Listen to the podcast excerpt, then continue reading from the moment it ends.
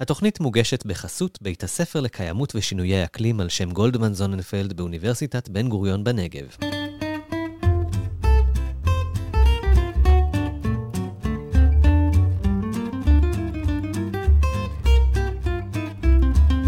מדברים מדבר, תוכנית לילדים על כל הטוב שבמדבר.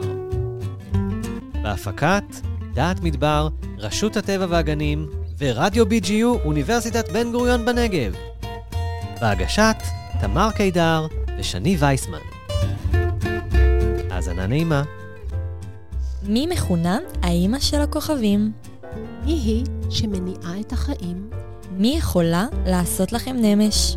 היום בתוכניתנו מדברים מדבר, נדבר על השמש. היי שני, שלום וברוכה הבאה לתוכנית שלנו. היי תמר, וואו, איזה כיף להיות כאן. שני, את חיילת ברשות הטבע והגנים. האמת, כיף לך. וואי, ממש כיף. מה את עושה שם בתור... את מורה חיילת, נכון? מה את עושה שם בתור מורה חיילת? נכון, אני מדריכת טיולים, אני מאוד אוהבת לטייל. ובכל האזור של הנגב, של מדבר יהודה ואילת, אני מדריכה. ואת uh, בטח גם מאוד אוהבת את המדבר, אם את מדריכה כל כך הרבה במדבר. נכון, אני גרה במצפה רמון ואני נורא אוהבת את המדבר ולטייל שם. מצוין, אז הגעת לתוכנית הטובה שלנו, כי גם אנחנו אוהבים לדבר על המדבר. ובעצם, שתדעי לך, שני, לא רק את חדשה, כי למעשה אנחנו פותחים עונה חדשה של התוכנית שלנו. זאת העונה השלישית, ובחרנו להתחיל אותה עם הרבה אור וחום. תהיה לנו גם פינה חדשה, שאנחנו קוראים לה תעלומות מן העבר. נכון, וכמובן גם הפינות הקבועות שלנו, מידד ומעייניות, תהיה לנו אגדה. רגע, אבל תמר, את אמרת שהתוכנית שלנו היום היא על השמש. אז מי בכלל השמש? השמש, השמש הזאת היא כוכב שמקרין אנרגיה אל החלל. היא המקור הישיר שלנו לאנרגיה, שיצרה את החיים, וגם כמובן ממשיכה להניע את החיים האלה על פני כדור הארץ. ואת יודעת במקרה מתי היא נוצרה בכלל? או, היא נוצרה לפני חמישה מיליארד שנה בערך, מתוך ענן לוהט של גז ואבק. וגם היום השמש היא בעצם מין כדור של גזים. רגע, תמר, יש לנו תוכנית שלמה לדבר על השמש. בואי נעצור רגע עם כל המידע, כי כבר נכנס לאולפן אדם, שהגיע אלינו ממצפה רמון. שלום, אדם! שלום. איזה כיף שבאת אלינו לאולפן. נכון. באת כל הדרך ממצפה רמון, שמעתי. כן. זו דרך ארוכה הייתה? לא. לא ממש, נכון? זה בערך חצי שעה מה- ממצפה רמון למדרשת בן גוריון. בערך. בערך. ותמיד, אדם, השאלה הראשונה שאנחנו שואלים את הילדים שבאים אלינו, זה בני כמה הם. כי ממש מסקרן אותי לדעת בן כמה אתה. אני, אני בן שמונה. שמונה. אז שמונה זה בערך, אה, זה כיתה ב'? באיזה כיתה אתה? בית. כיתה ב'. מצוין. אז, אה, אז ככה, אז אנחנו יודעים שאתה גר במצפה רמון, אנחנו יודעים שאתה בכיתה ב', ואני גם יודעת, אימא סיפרה לי כשדיברתי איתה, שאתה מאזין לתוכנית שלנו. נכון? אתה מכיר את התוכנית שלנו, כן. ומאוד מעניין אותי לדעת איך, איך הגעתם בעצם ללהקשיב למדברים מדבר. לא יודע. פשוט יום אחד אימא הציעה לך את התוכנית? כן. אה, נהדר. ועם איזה פרק התחלתם? התחלתם לפי הסדר או התחלתם עם משהו שעניין אותך? לא היה קרובים. עם העקרבים התחלתם? Mm, הפרק הזה שאני צורחת שם, כי החוקר הביא עקרב בתוך מבחנה, והייתי בטוחה שהוא הולך לשחרר לי את זה פה באולפן. איזה עוד פרקים אה, שמעת? שלנו? אה, לילה במדבר. Mm, לילה במדבר. אני, זה פרק שגם, שאני מאוד אהבתי גם. עם אה, חיים ברגר, הוא היה המומחה שלנו. ואם אנחנו כבר ככה מדברים על אה, מדבר, אתה נולדת במדבר? אתה, לא. מי- לא? מה? אז איפה נולדת? אני, אני נולדתי בתל אביב. נולדת בתל אביב. קודם כל, איזה כיף לך. ואז מתי הגעת למדבר? אני לפני שנה. אה, אז אתה ממש טרי במדבר. ואיך זה להיות בכל זאת ילד מדברי? זה כיף לטפס על אבנים. כיף לטפס על אבנים, זה נכון. אתה, אתה מטפס יחף או עם נעליים? תלוי, תלוי מאיזה מרחק זה מהבית. הבנתי. זאת אומרת שאם זה קרוב לבית, אז אתה יחף. אוקיי. תגיד לי, ומצפה, הרי מצפה שלנו היא כזאת מיוחדת בזה שיש את המכתש, שדיברנו עליו בפרק על המאובנים, וגם אה, בפרק על המכתשים. אז אתה מטייל הרבה במכתש, במכתש רמון? זאת אומרת, לאורך ככה המצוק ולאורך המכתש? כן. אתה אוהב אותו, את המכתש של... אה, את המכתש במצפה רמון? כן, כן, כן, כן, כן, כן. כן, כן, נכון. האמת שקשה מאוד לא לאהוב אותו, הוא כל כך, כל כך יפה. אתה, יש משהו גם בבית הספר שאתה אוהב במיוחד?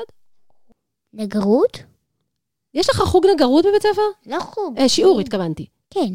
באמת? אז אתה אוהב לנגר ולתפור? כן.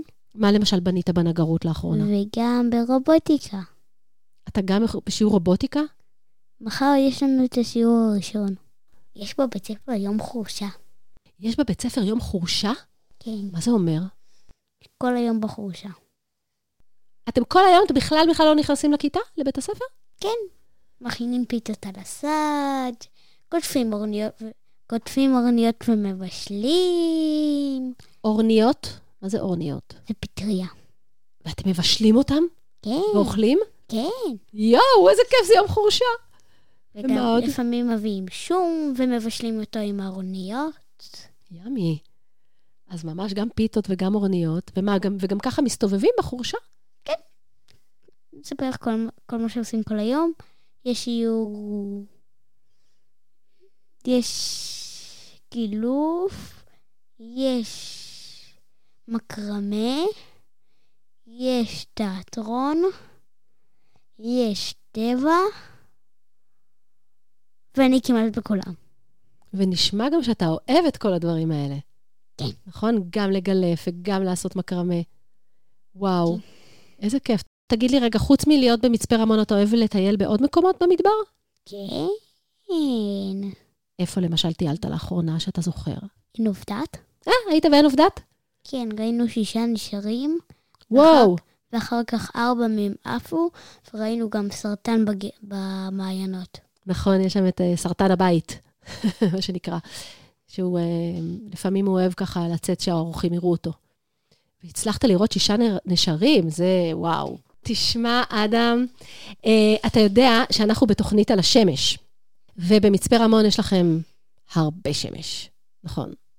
אה, הרבה, הרבה, הרבה, הרבה, הרבה, הרבה, נכון. טוב, לא רק במ- במצפה רמון, אבל אנחנו, יש אצלנו קרינה חזקה, נכון? גם אצלכם, גם. אצלנו. מאוד. ומה אתה מעדיף בעצם? חורף או קיץ? באמריקה אני מעדיף חורף, ובישראל אני מעדיף קיץ. נחמד, שאתה יכול לבחור ככה. למה פה אתה מעדיף קיץ? אני מעדיף את זה על חורף. כי פה בחורף פשוט קר וקפוא, ויש נכון. איזה קור במצפה, אה?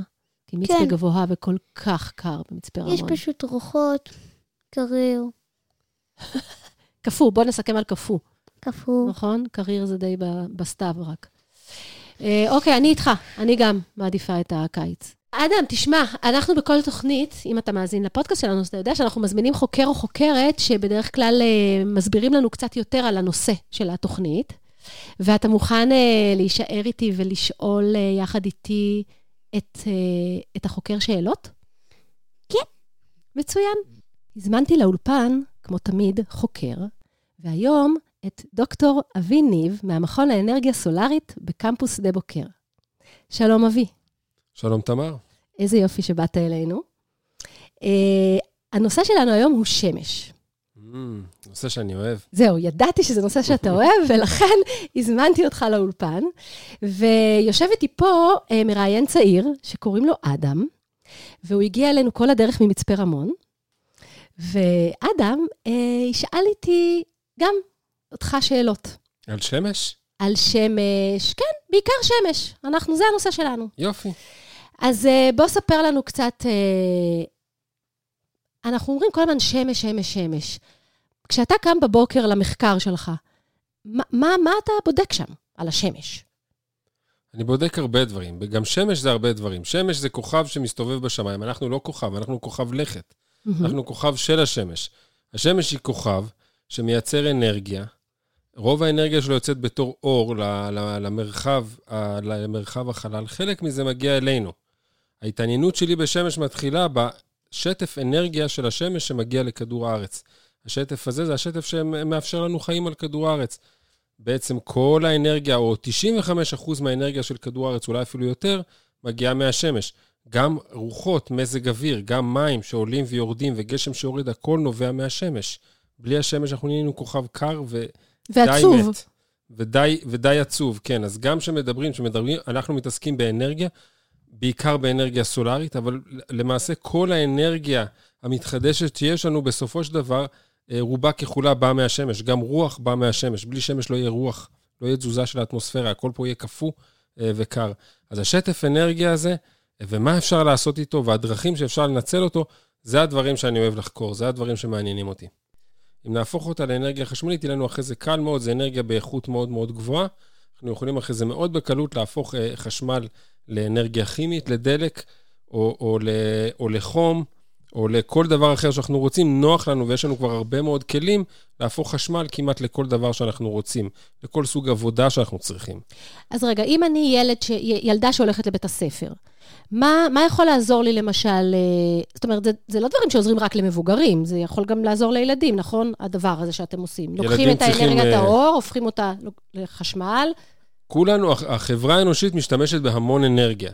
בין אם זה כדי לבשל אוכל, להכין אוכל, לגדל אוכל. לגדל אוכל זה לא רק הטרקטורים שנוסעים בשדה ועובדים, זה לא רק הדשן ששמים, כן, שהוא איזושהי ריאקציה כימית, צמחים צריכים אור כדי לגדול, הם לא גדלים בחושך, כן? נכון, סיפרנו, הם לא גדלים מעצמם. סיפרנו על תהליך הפוטוסינתזה. כן? אז נכון. יש, אנחנו מנצלים את האנרגיה של השמש בהרבה דרכים, זה גם האוכל שלנו, זה גם החשמל שלנו, זה גם בסופו של דבר הדלק לאוטובוס שלנו, כן, שמסיע אותנו ל... ל לבית האוטו, הספר, נגיד, או לחוגים. לבית הספר, כן. הדלק הזה בא מאיזשהו אה, אה, בית זיקוק, לא גם את הדלק הכימי שלנו. אז בעצם המכשור שאתם ככה מפתחים ובונים וחושבים עליו במעבדות, זה איך לעשות את זה, את התהליך הזה עוד יותר יעיל, איך לנצל את קרינת השמש הזאת, כדי אחר כך לייעל את כל הדבר הזה, לעשות אותו יותר מוצלח. אני אלך, אקח את זה רגע לכיוון אחר. יש לנו מלא שמש, נכון? ואנחנו במדבר פה ביום-יום רואים את זה כל הזמן. אז מה הבעיה? למה אנחנו מודאגים? כל, אפשר יהיה כל הזמן להשתמש באנרגיה של השמש הזאת, נכון? אז מה הבעיה? יש... תמיד, תמיד נוכל לחמם, תמיד נוכל ל, ל, להפוך בלילה? את זה לחשמל. גם בלילה תוכלי אבל... לחמם? אבל... גם בלילה אבל... תוכלי אבל... להפוך את זה לחשמל? השמש כן? באה רק בשעות מסוימות. נכון, אז מנצלים אותה אין. בשעות שהיא נמצאת, נגיד כמו פנס סולארי. אני, הוא כל הזמן, כל הזמן לוקח, כל היום לוקח את האנרגיה של השמש, ואז בלילה אני יכולה להדליק אותו מהאנרגיה הזאת הסולארי... אז פה יש איזו בעיה קטנה.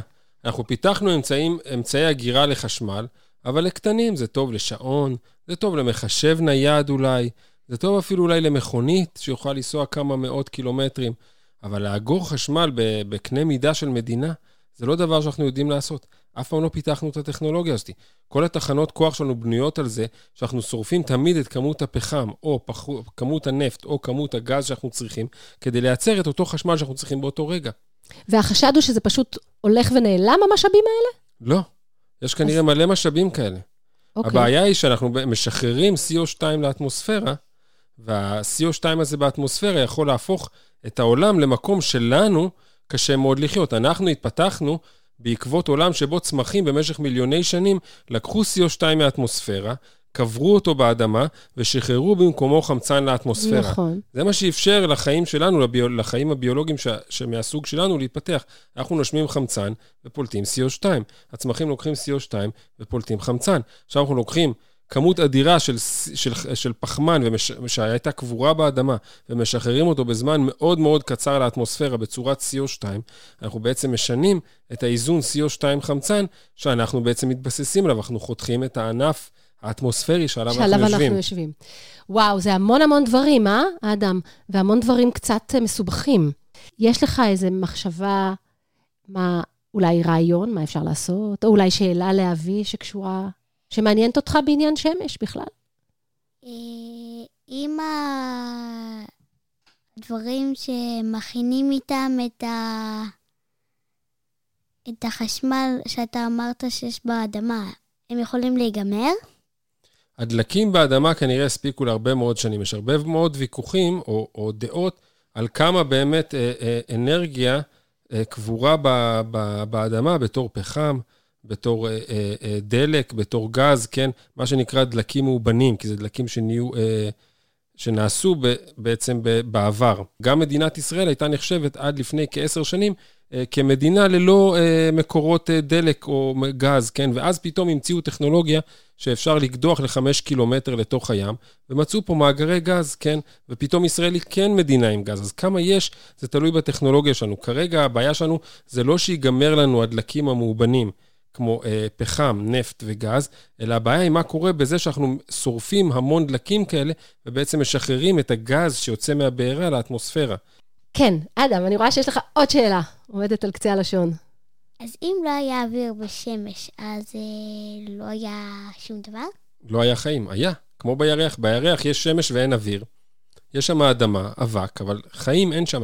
אדמה ואבק גם לי יש פה מלא במדבר. כן, אבל יש לך עוד הרבה יותר מאדמה ואבק. נכון. יש שם גם מים. יש שם גם מים קבורים בתוך, ה, בתוך השכבות של הסלע, אבל בגלל שאין שם אטמוספירה, כמה שאנחנו יודעים, לא יכלו להתפתח שם חיים. אבל שמש יש שם, לפחות על צד אחד של הירח. אבל זה לא מספיק כדי לייצר תנא, חיים, זה לא תנאים מספיק לחיים לייצר חיים שאנחנו- כמו שאנחנו חיים. נכון. האם השמש עגולה? עגולה כמו כדור או עגולה כמו מעגל? לא. שטוח. כאילו תת כמו כדור, כן. כן. אז שום דבר, עיגול זה, זה משהו אידיאלי, שאנחנו רק יכולים לחשוב עליו. שום דבר הוא באמת לא עגול לגמרי, אבל אם יש משהו שהוא כמעט עיגול מושלם בטבע, זה כנראה השמש. כי היא כל כך גדולה וכל כך מושפעת, כל כך, אה, אה, ההשפעה שלנו היא כל כך קטנה עליה, שהכוחות משיכה שלה צריכים לעשות אותה עגולה לחלוטין. אנחנו למשל, שאנחנו מאוד מושפעים מהשמש, אבל השמש פחות מושפעת מאיתנו, ואנחנו מסתובבים סביב עצמנו ודברים כאלה, אנחנו נפחסים קצת, אנחנו קצת אליפטים. למרות זה, אנחנו עדיין כדור מושלם יותר מכל כדור כדורגל שיהיה לך בבית ספר, כן? והשמש כנראה עוד יותר טובה מזה. והיא אפילו לא מושפעת מכל מיני כוחות סיבובים שיש לה סביב מרכז הגלקסיה וסביב עצמה, אז היא כנראה אחד הכדורים הכי טובים שאנחנו יכולים למצוא בש... בטבע, למרות ששום דבר הוא לא מושלם. מה יקרה אם מטאור יפגע בשמש? הטמפרטורה של פני השמש זה בערך 6,000 מעלות, וכשנכנסים קצת פנימה זה כבר יכול להגיע למיליוני מעלות. אז אני מניח שלא יישאר מהמטאור הרבה אחרי שהוא יפגע בשמש. לעומת זה, מטאורים הם גופים שמימיים שעשויים ממשהו כמו אבן, או משהו, חומר דומה לחומרים שיש על כדור הארץ, בגודל של אה, בין כמה מטרים על כמה קילומטרים. השמש, הקוטר, ש... הקוטר של השמש זה אלפי קילומטרים. השמש לא תרגיש בכלל שפגע בה המטאור. היא לא בקנה מידה של דברים כאלה. וואלה. וואלה, האמת שאני ואדם פה נדהמים מהשמש הזאת. אה, וואו, תודה רבה. כן, היא לא במשחק שלנו, השמש. כאילו. ממש. אנחנו במשחק שלה, אבל היא לא אבל במשחק היא שלנו. לא במשחק שלנו. לא. נהדר. אה, נהדר, תודה רבה רבה לשניכם. גם לאדם ממצפה רמון וגם לדוקטור אבי ניב פה ממדרשת בן גוריון. ותודה לתמר. ביי ביי. ביי ביי.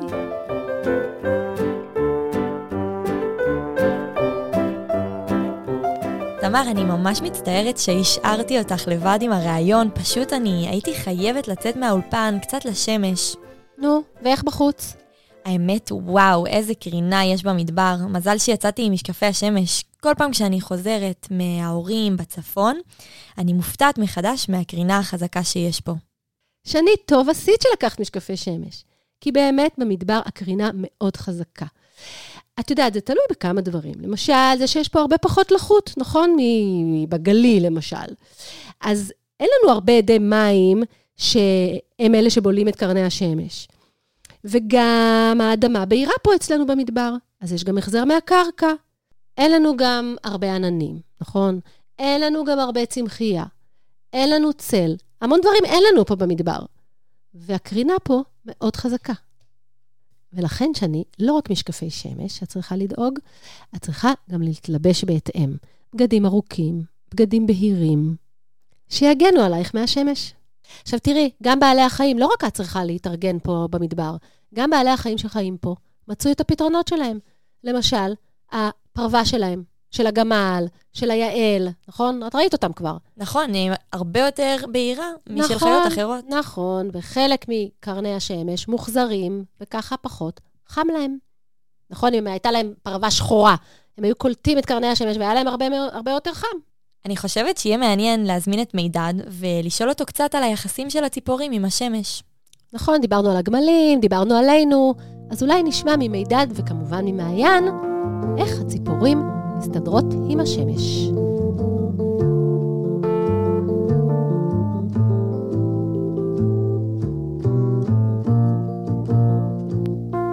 שלום מידד. שלום, שלום. אה, מה זה? איפה מעיין? מעיין לא יכל להגיע היום, או. אבל אה, כן, הוא מוסר את אהבתו וגעגועיו לכולכם, והוא ביקש לספר, שאני אספר בשמו, את הסיפור הראשון שאנחנו רוצים אה, לדבר עליו, אה, בקש- בהקשר בעצם לנושא של, ה, אה, של הפרק היום. נכון, אנחנו מדברים על השמש היום. אנחנו מדברים על השמש, והשמש במדבר, מן הסתם, זה אולי הגורם המשמעותי והמכריע ביותר בחיים פה, לצד המים. ולפני, והוא רצה לספר, אז אני אספר בשמו, שלפני אה, ממש כמה חודשים, הוא ואני, יצאנו בבוקר מוקדם אה, לצפר, לצפות בציפורים באזור אה, ניצנה. ונסענו ממש בדיונות, ואנחנו נוסעים, נוסעים, נוסעים, ואמרתי לו, אני רוצה למצוא לך ציפור מאוד מיוחדת. וחיפשנו ולא מצאתי. וכשהסתובבנו וכבר באנו לצאת, פתאום הוא אומר לי, אבא, נחתה פה ציפור. יצאתי ובדקתי ואמרתי לו, אוי, הנה הוא, האלמון. אלמון? ככה. מבטאים את זה? אוקיי. אלמון, כן. ומעיין הגיע והראיתי לו את הציפור, והוא ראה והוא מאוד מאוד התלהב. למה? כי אלמון זה גם ציפור נדירה. זה ציפור שחיה במדבריות הכי הכי קשוחים.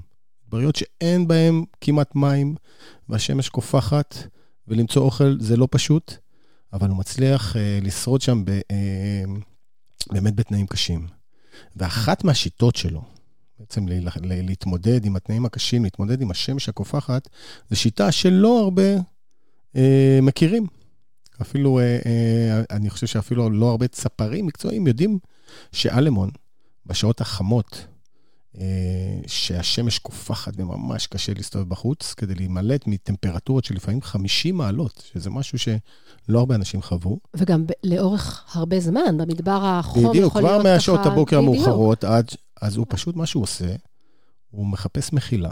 בעיקר מחילות של חרדוני צב. ברגע שהוא מוצא לך מחילה כזאת, הוא נכנס פנימה, ופשוט... מה זאת אומרת? הוא אומר להם, "זוזו היום." קצת- זוזו קצת, עשו כן, מקום? הוא חי- חרדון צב הוא צמחוני, אז הוא לא מפחד ממנו, והם חיים, ב- שניהם שוברים, יושבים שם בשקט ומתקררים להם. וכשהשמש קצת יורדת לקראת אז השקיעה, אז הוא יוצא החוצה וממשיך לאכול. ככה הוא אה, פותר לו את הבעיה הזאת. זו התאמה שאנחנו קוראים לה התאמה התנהגותית. זאת אומרת, הוא לא היה צריך לשנות משהו בגוף, כדי, או שהגוף שלו התאים לפתרון הזה, הוא פשוט למד. והנה, ציפורים חכמות. ממש. לגמרי. עכשיו רגע, אז זה העלמון, והוא, אתה אומר שהוא נדיר, זאת אומרת, אז מה הוא עושה כאן באזור שלנו? איך הוא ראיתם נדיר, אותו שם? לנו, אין לנו הרבה אלמונים בישראל, הם, אה, אה, בתי הגידול שלהם קצת נעלמו, אבל אה, פה ושם עדיין אפשר למצוא אותם, אם זה בנגב הדרומי, אם זה גם קצת באזור ניצנה. ובערבה, הוא יכול היה להסתדר. די טוב הוא בערבה, מסתדר, נראה הוא לי. מסתדר, כן, נגב דרומי וערבה. לגמרי, לגמרי. ומסביבנו במדבריות של צפון אפריקה ושל אה, של, אה, חצי האי ערב, ואפילו טיפ-טיפה מזרחה, הוא מגיע לשם. ואיך איך הוא נראה? זה מין עפרוני, בצבע אה, חום, חום אפור כזה, שכשאתה רואה אותו, אה, כשאנחנו מסתכלים עליו בשטח, הוא נראה די, קשה לראות אותו כי הוא ממש בצבע של החול, בצבע של הסביבה. Mm, אבל הוא רץ מהר, יש לו רגליים ארוכות, זה גם נותן לו יתרון אה, לרוץ מהר על החול, אה, וגם והחול אה, הרותח, אז הוא בדיוק, גם קצת ככה מהר. מרחק, בדיוק. הוא אוהב מאוד לעמוד על שיחים ככה, וקצת גם, גם עוזר לו. אבל מה שהוא עושה הכי מדהים, אני לא יודע אם, אני לא חושב שדיברנו על זה באיזשהו פרק, אבל לא כשהוא... נראה לי. כשהוא- את ריקוד החיזור שלו, את שירת החיזור שלו, זה משהו שזה באמת אירוע חד פעמי. באמת? עף, וכשהוא פותח את הכנפיים, פתאום הכנפיים שלו זה כמו פרפר, חצי פרפר, חצי מצנח, שחור לבן, והוא עף ופשוט אי אפשר לפספס את המאורע. הוא עף גבוה גבוה תוך כדי שריקה כזאת גבוהה, וכשהוא מגיע לשיא הגובה, הוא סוגר את הכנפיים, מתהפך, עושה היפוך, ופשוט צולל. פשוט צולל עם הראש למטה, כמו קפיצת ראש לכיוון החול, וכשאתה ממש. כבר עוצם עיניים, אתה בטוח שה... שהוא הוא הולך להתרסק, הוא. פותח את הכנפיים הרחבות שלו ודועה לו, ממש דועה, תוך טפיחות כנף כאלה איטיות. וכל זה הוא עושה בשביל להרשים את הנקבה? כל זה הוא עושה גם בשביל להרשים וגם כדי לסמן לשאר הלמונים, זו הטריטוריה שלי. זה, ב- זה בעצם כמו איזשהו דגל כזה מאוד שאפשר לראות אותו מרחוק, וגם השירה הזאת שאפשר לשמוע אותה גם מרחוק. ציפור מאוד מעניינת. איזה כיף לך. כל פרק אני אומרת שאני אצא איתך לראות ציפורים, וזה עוד לא קרה. אז אה, עכשיו בעונה אז חייבת השלישית. אני חייבת לצאת איתך לסיבוב. איתי ועם מעיין, בטח. בוודאי. רגע, אז אם כבר דיברת על הצבע שלו, מעסיק אותי קצת כל עניין באמת ה... אם אנחנו מדברים על שמש, כל העניין הזה של הצבעים של ציפורים, ואיך הן מתמודדות עם העניין הזה של השמש, והצבע שלהן. אז, אז ככה, אז קודם כל הציפורים שחיות במדבר, הן צריכות להתמודד עם כמה דברים. א', הצבע שלהם הוא גם, אה, יש לו אה, תפקיד, כי אתם בטח כבר דיברתם על הצבע לבן, מחר, מחזיר את ה, אה, את ה... פולט את החום, זה מונע התחממות. זה דיברנו, נכון, בהקשר של הפרוות של הגמלים, בדיוק. והשערות של הגמלים ושל היעלים פה. נכון, עכשיו, גם אז צבע גם שחור... אצל ציפורים זה ככה? גם, כן, הצבע זה צבע. אה, אצל, ה, אה, אצל ציפורים שיש להם צבע שחור, נכון, לא כמו כולן, אבל יש כאלה הטריסטרמית, שדיברנו עליה בפרק על סליות, זה היעלים. מאוד בולט אצל סלית. יש סליות שהן ממש שחורות, יש כאלה שהן משלבות בין שחור ללבן. הצבע השחור יודע לסנן את הקרינה, את הקרינת ה-UV, מה שאנחנו קוראים. הקרינה הלא טובה שהשמש אה, שולחת אלינו, שיכולה לגרום אה, למחלות או לפגיעה בעור ובגוף. גם אצל הציפורים? גם, אני- ציפור זה יצור חי. יצור חי לגמרי. הנוצות האלה אה, יכולות אמנם להיפגע ולהיות מוחלפות, כי כבר אנחנו יודעים שציפורים מחליפות ציפור, את, ה, את הנוצות שלהם כמעט כל שנה או כל פרק זמן שהוא, אז הן יכולות להרשות לעצמם לפגוע או להיפגע בנוצות, אבל הן חייבות לא יותר מדי. כי אז הן... הן תלויות לא- בנוצות, כן, בדיוק. שלא יהרסו לגמרי. אז הצבעים האלה, אה, גם הלבן הוא עוזר אה, להחזרה למניעת התחממות, גם השחור עוזר לסינון של ה-UV, אבל הם לא יכולים גם להיות יותר מדי בולטות, בעיקר הציפורים הקטנות. כי אז הן Mm, יותר. הפקל. נכון. אז הרבה מאוד מהציפורים, כמו האלמון שדיברנו עליו, הם בצבע חום, בהיר. זאת אומרת, ואז הם- זה הסוואה מבחינת הסביבה. בדיוק, זה הסוואה. ואז הן מוגבלות. זאת אומרת שבשעות החמות, כמו האלמון, הן צריכות להימלט מהחום. זאת אומרת, קשה להן יותר להיפטר מהחום שנוצר אה, על ידי השמש, ואולי נסיים בעוד איזה אה, פטנט של חלק מהציפורים. ציפור שעושה את זה מאוד יפה, זה רץ מדבר. לפעמים אנחנו אה, אה, מסתובבים ב- בשעות החמות, ואז אנחנו רואים את הרץ מדבר, שזה מעין חופמאי. מה זה חופמאי? זה עוף חוף שהתרגל לחיות במדבר. נכון, אנחנו דיברנו עליו באחד עליו, הפרקים הראשונים. נכון, עם רגליים נכון? ארוכות, שמאוד הוא... התרשמתי ממנו. בדיוק. אז קורה. מה שהוא יודע לעשות, כדי להתקרר, הוא פותח, הוא מרחיק קצת את הכנפיים מהגוף, חושף את החלקים של הכנפיים שהם מכוסים בנוצות מאוד מאוד עדינות, כמעט ואין בהן, נוצות מאוד מאוד עדינות ודקות, ככה שהאור חשוף, וככה הוא בעצם הוא נותן לרוח אה, כוח אחר הצהריים. אותו. לקרר את, ה, את האור, והאור כמובן, קרוב מתחת לאור יש, אה, יש דם, יש אה, ורידים, יש כלי דם, שמעבירים את הקור לשאר חלקי הגוף, וככה גם מקררים את ה... את ה... זה ממש את מדהים. הפתרונות שהם מוצאים כל היצורים פה במדבר, נכון? לגמרי, אין ברירה, גם בעלי. החיים הגדולים, נכון, גם נכון. הציפורים. לגמרי. ונסיים בזה שיש לכל הציפורים את היתרון. הברור, שהן יכולות לעוף. זה אומר שהן יכולות להתרומם גבוה, ופשוט ליהנות מרוח, מקרירות. מהרוח, או אפילו תוך כדי גלישה, יש את הרוח. ככה שיש תמיד פתרונות. יאללה, ורגע, אני שמעתי מה- מאדם, הילד שהתארח פה בתוכנית, בתחילת התוכנית, הוא סיפר לי שהוא היה בעין עובדת, ושהוא ראה אה, נשרים, והוא אומר שהוא ראה את אחד הנשרים מסתתר שם באיזה נקיק של, אה, באיזשהו מקום שם בהר, ב- במצוק גבוה, ושהוא מוציא רק כנף אחת החוצה. ואדם שאל אותי על זה, ואמרתי לו, אני לא יודעת, אבל אני מבטיחה לשאול את מידד כשהוא יגיע. כן, אז... אז אה, מה, למה הם מוציאים רק כנף אחת החוצה? אז קודם כל צריך לראות שם, אני. צריך לראות שם כדי לראות בדיוק מה היה, אבל אני יכול לשער, אני יודע שהרבה פעמים כשאני מגיע בשעות הבוקר לעין עובדת, או ל- בכלל מטייל פה במצוקים של אה, נחל צין, אז אני רואה את הנשרים, כשהשמש היא נמוכה יחסית, לא גבוהה, אז הם עומדים, תדמיינו שהנשר עומד זקוף, נכון? ואז הוא פותח את הכנפיים, אז בעצם הכנפיים, כל החלק הרחב של הכנפיים, מופנה פחות או יותר הצידה, בגובה של נמוך יחסית, כי הם לא שוכבים עם הכנפיים כלפי השמיים, אלא כלפי הצידה, כלפי אה. כן, נכון. אז השמש אותה בבוקר, היא באה מהצד, מאירה מאוד חזק, או בעצם מקרינה מאוד חזק את האור על שלה, הכנף. לקרניים, על הכנף, והכנפיים של הנשר כהות, יש להם עברות, או נוצות כהות מאוד שחורות אפילו, וחלק חומות. מהמם. הנוצות האלה מתחממות, והדבר הזה נקרא אמבטיית שמש. החום, ברגע שמתחממות מאוד, זה עוזר ל, ל, אה, לנשר ככה להיפטר מכל מיני טפילים שאוהבים למצוץ את דמו. אה, ואז פשוט כל ה... ככה הוא נפטר כן, מכל כי לא- הטפילים הוא האלה לא כמונו, הוא לא מת- שמציקים לו. הוא לא מתקלח במים, אין פה מים אז הוא פשוט אמבטיית שמש. לגמרי. נהדר. טוב, אז אני בטוחה שאדם אה, יקשיב לתוכנית והוא ישמע את, ה... את התשובה שלך לשאלה שלו. יופי. מצוין, מידד. אז כרגיל, תודה רבה רבה, למדנו המון דברים חדשים. בכיף.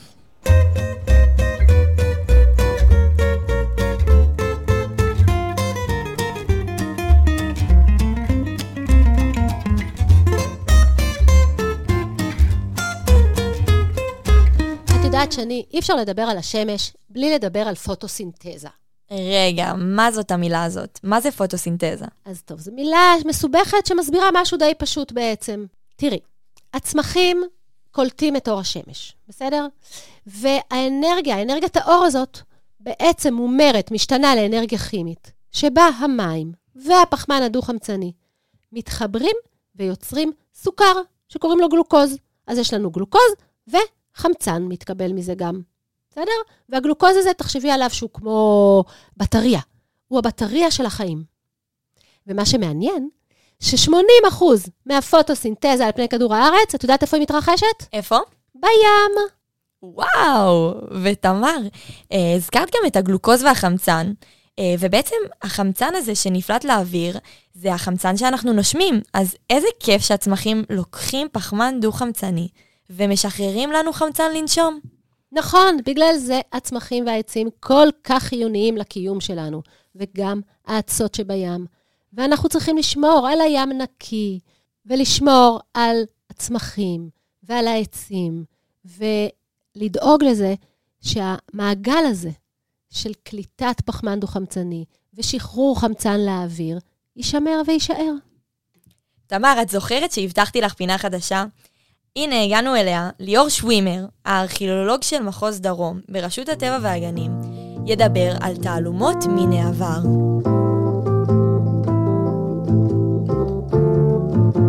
שלום ליאור. אהלן. איזה כיף שבאת אלינו לאולפן, ואיזה כיף שיש לנו פינה חדשה איתך.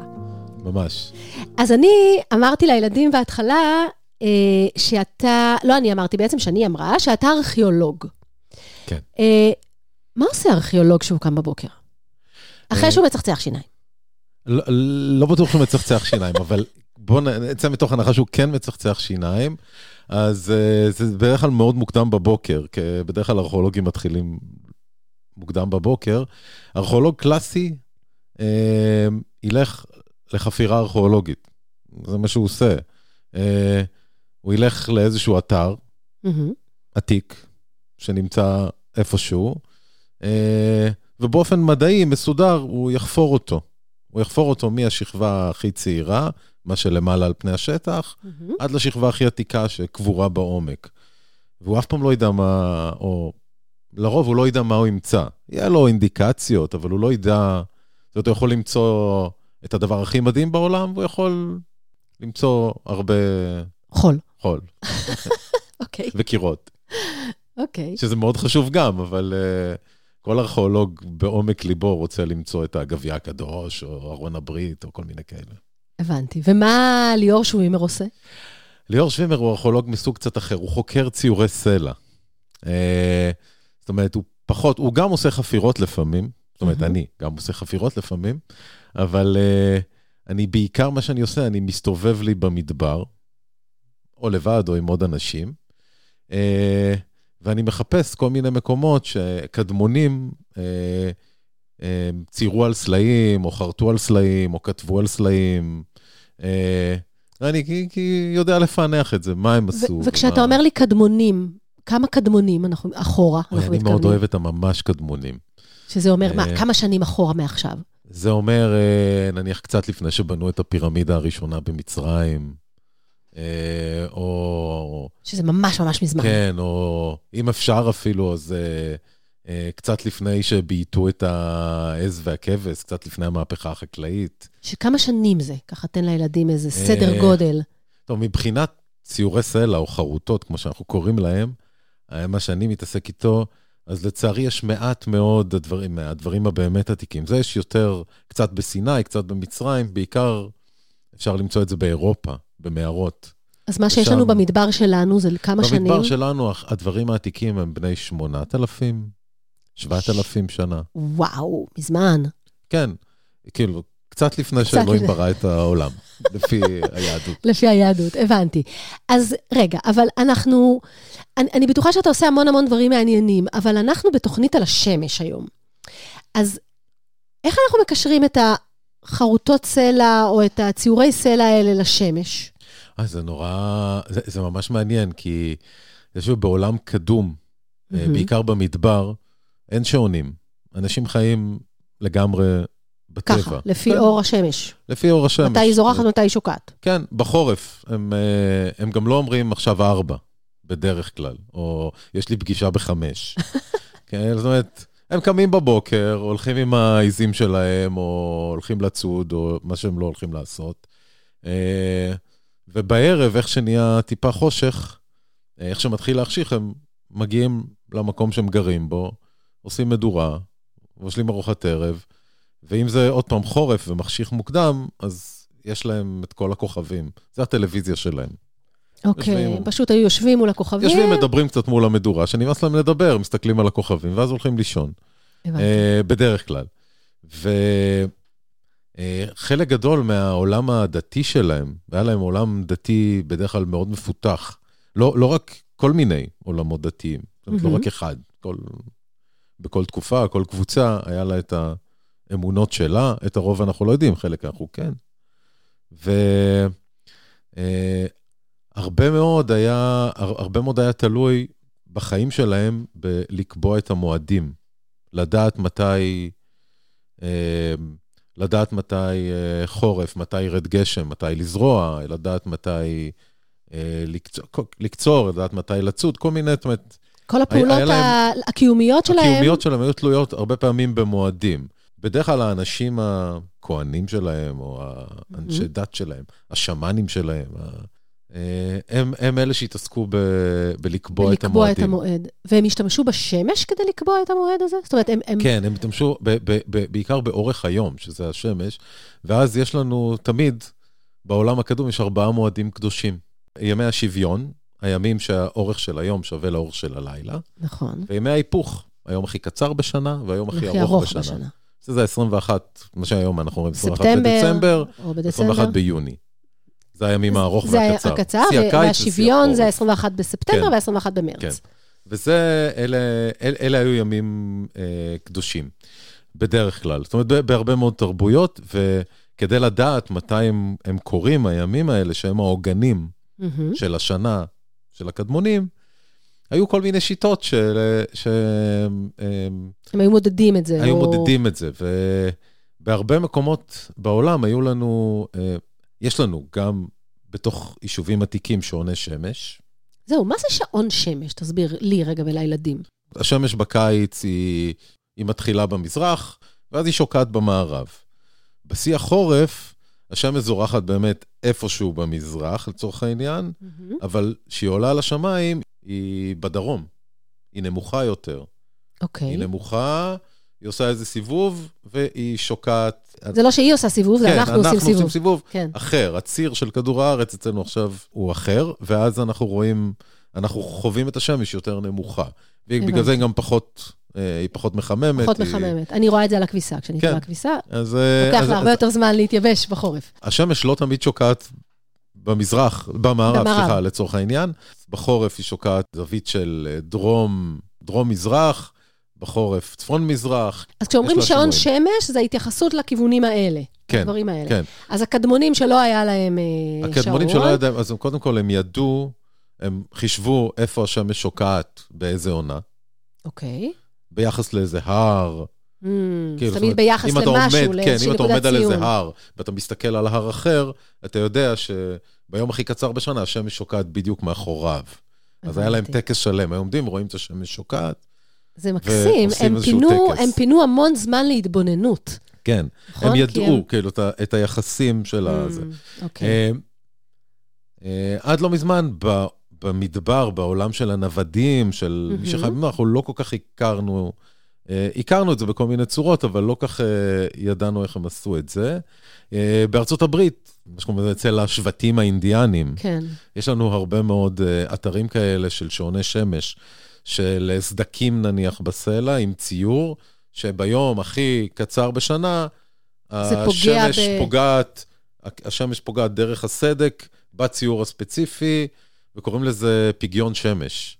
הבנתי. וזה במשך שעה, שעתיים, מהיר, ממש, ממש חוצה את ה- באמצע, של, זה בדרך כלל סליל כזה, חוצה באמצע אה, של הסליל, ואז אפשר לראות, אה, כבר כמה ימים אחרי זה, לפה או לפה, זה כבר משתנה. שגם מודדים אותו וזה, אז רואים מבינים ש... שזה שעון שמש. כן, באמת, אה, הוא ממוקם בדיוק, ו... אנחנו דיברנו פה בפרק, ליאור, על כמה השמש עם אה, אבי ניב, שהוא אה, פיזיקאי, שהתארח פה בתחילת התוכנית, וגם אני ושני דיברנו על זה, על כמה השמש חשובה לחיים שלנו. זאת אומרת, היא הדבר שמניע את כל החיים פה. ואנחנו רואים שגם הקדמונים הבינו את זה בעצם, ולמדו ממנה, וסידרו את החיים שלהם בעצם, וחילקו את החיים, ואת איך הם, מתי הם יזרעו, ומתי הם יאכלו, ומתי הם יצודו. תחשבי שבשביל. הקדמונים, השמש לא הייתה שמש. היא? הייתה אל, נכון. היא הייתה משהו חי. עוד יותר. היא לא הייתה, היא לא הייתה כמו שאנחנו היום אומרים, עם היכולת המדעית שלנו, השמש היא למעשה כוכב, אה, אה, היא, היא כוכב שבוער אה, בטמפרטורה כזאת וכזאת, ו, והוא חלק מגלקסיית שביל החלב, לא, לא, לא, לא. נכון. וזה זה משמע- מושגים מערכת- אה, מדעיים ממש. מערכת של כוכבים וזה, ב, ב, בעולם הקדום, השמש הייתה אל, ואל מאוד מאוד, אל או אלה, תלוי ב- באיזה כן. תרבות, אבל אה, ח- הכי חשוב, בין אם נכון. זה דושרה, נבטי, אפולו, לא משנה איזה, איזה אל. אה, זה כמעט היה בחוויה שלהם משהו אה, זה מאוד ישות, חי, כי- ישות, בדיוק, ישות חיה. ובמדבר זה עוד יותר, השמש היא יכולה לכעוס, וכשהיא כועסת, אז לא נעים, חם, צריך מים, כל מיני כאלה. ו... זה ממש, הם ממש עשו לה כמעט האנשה. כן, נכון, לא רק האנשה, זה, זה אה, אותם אנשים שחיים בסביבה טבעית במדבר, אה, וחיים תחת כיפת השמיים הרבה פעמים. אה, גם אם הם חיים במבנים, אז אלה מבנים, עוד פעם, אין להם טלוויזיה במבנה. אה, והם חיים את השמש, את הירח, את החורף, את הקיץ, את הגשם, את השרב. כל הדברים האלה הרבה הרבה יותר משמעותיים. אה, גם לנו היום, שאנחנו הולכים לטיול נודד של כמה ימים, הדברים האלה פתאום נהיים פתאום משמעותיים. הופכים שוב ומשמעותיים. נכון. כאילו פתאום אה, חם לנו, קר לנו, יש שיטפונות, אין שיטפונות, יש מים בגבים, אני צריך לקחת. פתאום זה הכל נהיה אה, ואצלם זה בעצם, משמעותי. זה, זה ככה זה היה החיים. זה היה לב העניין, בגלל זה, מעולם מאוד מאוד קדום, זה היו, אה, אה, זה, אלה היו ה...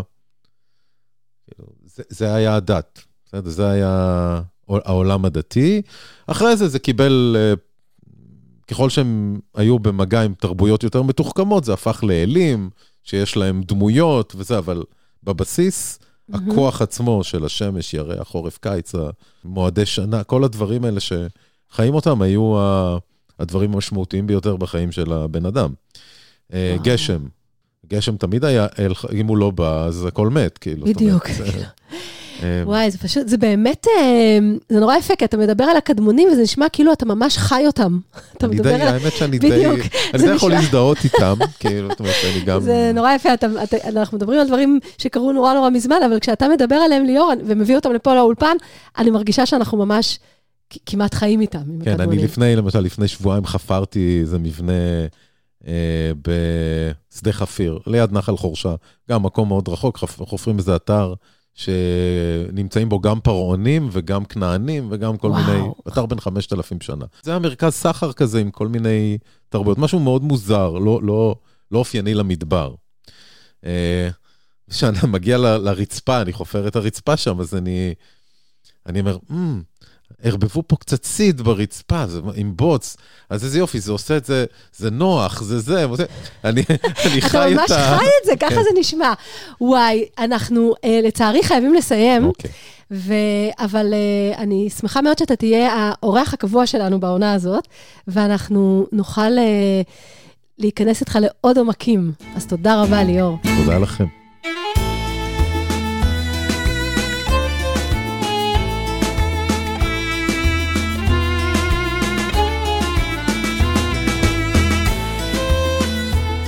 אז אנחנו לקראת סופה של התוכנית, והגיע הזמן לשמוע את האגדה.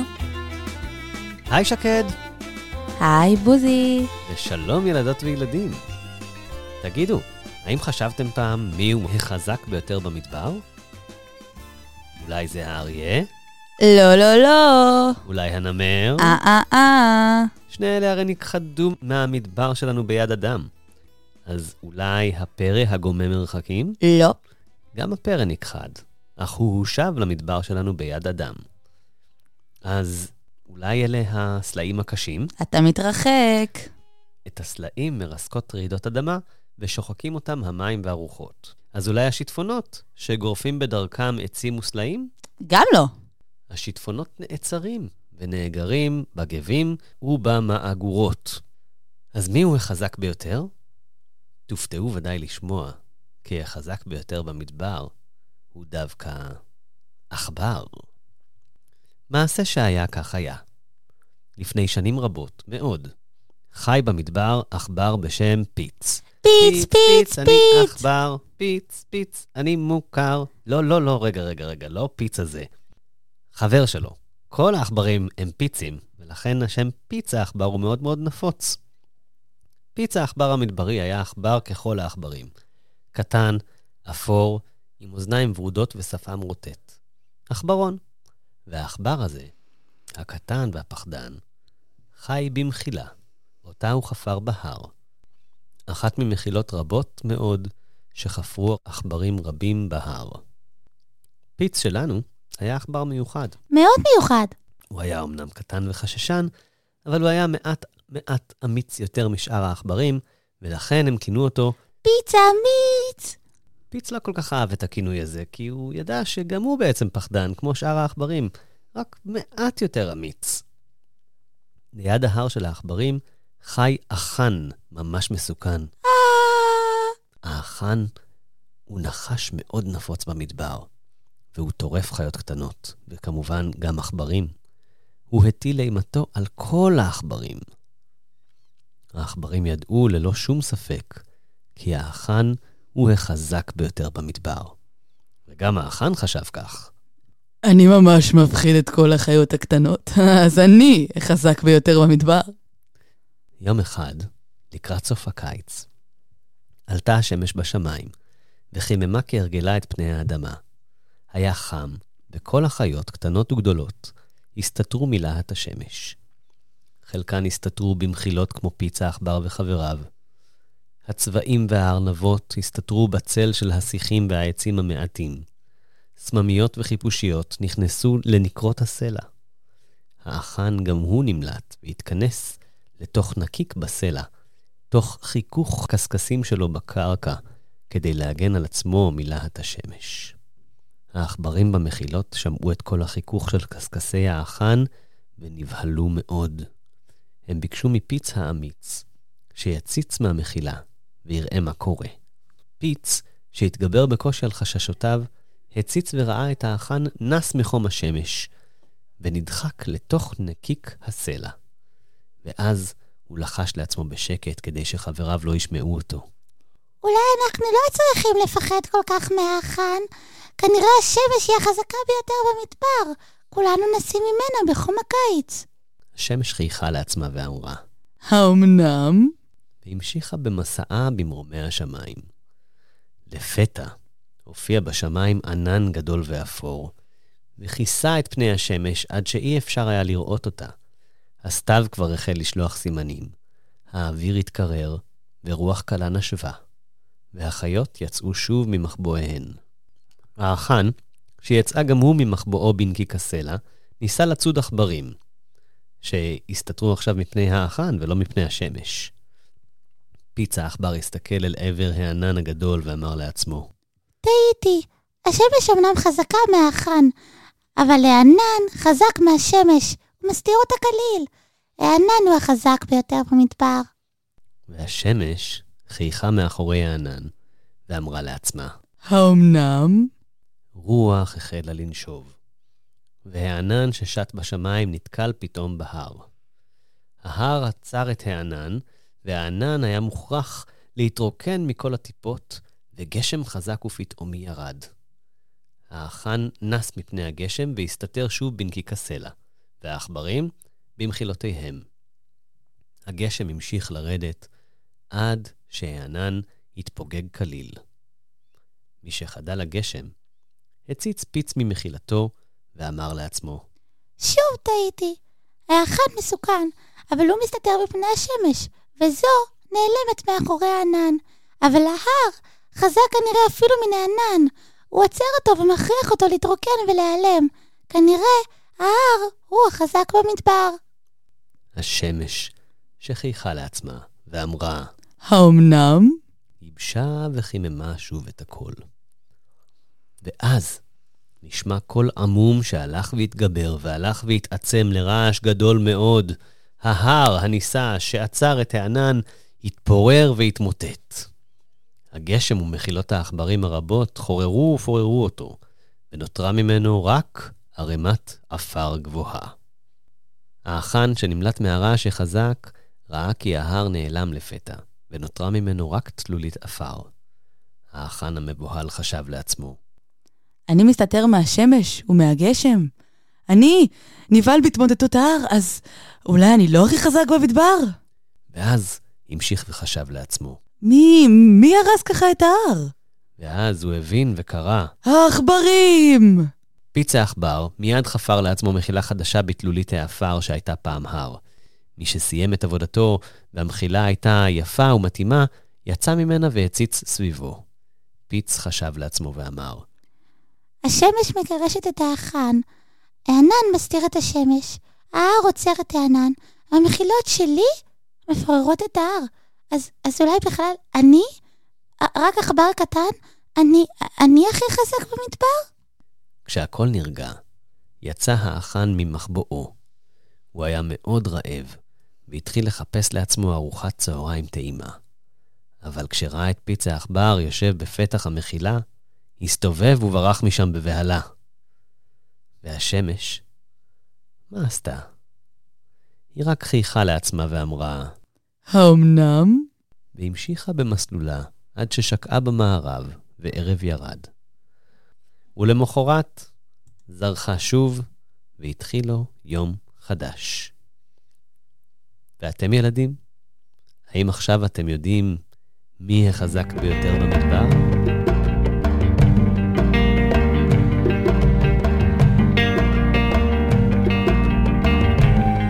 היי תמר, היי עמרי, ילדי טבע ומדברים מדבר אורזים את האולפן ויוצאים לנדוד בארץ, ונשמח להגיע גם אליכם. כתבו לנו בפייסבוק של מדברים מדבר וילדי טבע, וניצור איתכם קשר. מה קורה כשיש שינויי אקלים מהירים? מה קורה כשאנחנו פוגעים בטבע? מה יקרה לבעלי החיים ולנו אם הסביבה תשתנה יותר מדי? ומה אנחנו יכולים לעשות כדי לשמור עליהם? הצטרפו אלינו למסע היכרות עם הסביבה המופלאה בה אנו חיים. להתראות. תמר, איזה יום היום? חמישי, למה?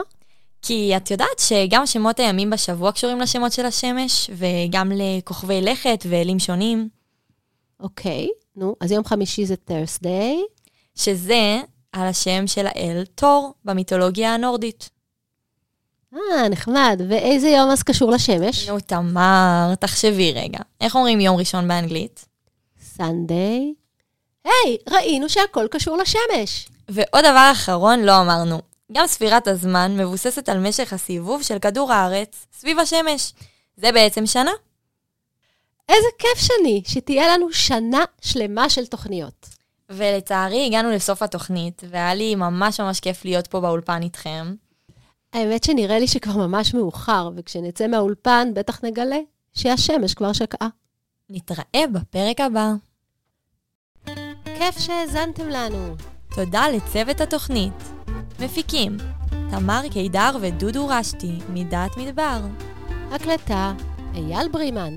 עריכה טכנית, דניאל למנסדורף. על המוזיקה המקורית, טל וגנר ואייל ברימן. מידד גורן, מנהל מרכז צפרות רמת הנגב, מגיש פינת הטבע. ליאור שווימר מרשות הטבע והגנים מגיש פינת הארכיאולוגיה. שקד בן דרור ובוזי רביב מגישים פינת האגדה. צוות המערכת, אגר לשנר, דודו רשתי, בוזי רביב, מנהל רדיו BGU, עמרי גלבר ואלון פארן מרשות הטבע והגנים. התוכנית מוגשת בחסות בית הספר לקיימות ושינויי אקלים על שם גולדמן זוננפלד, והוקלטה באולפני רדיו BGU באוניברסיטת בן גוריון בנגב. כאן תמר קידר, ושני וייסמן. נתראה בתוכנית הבאה.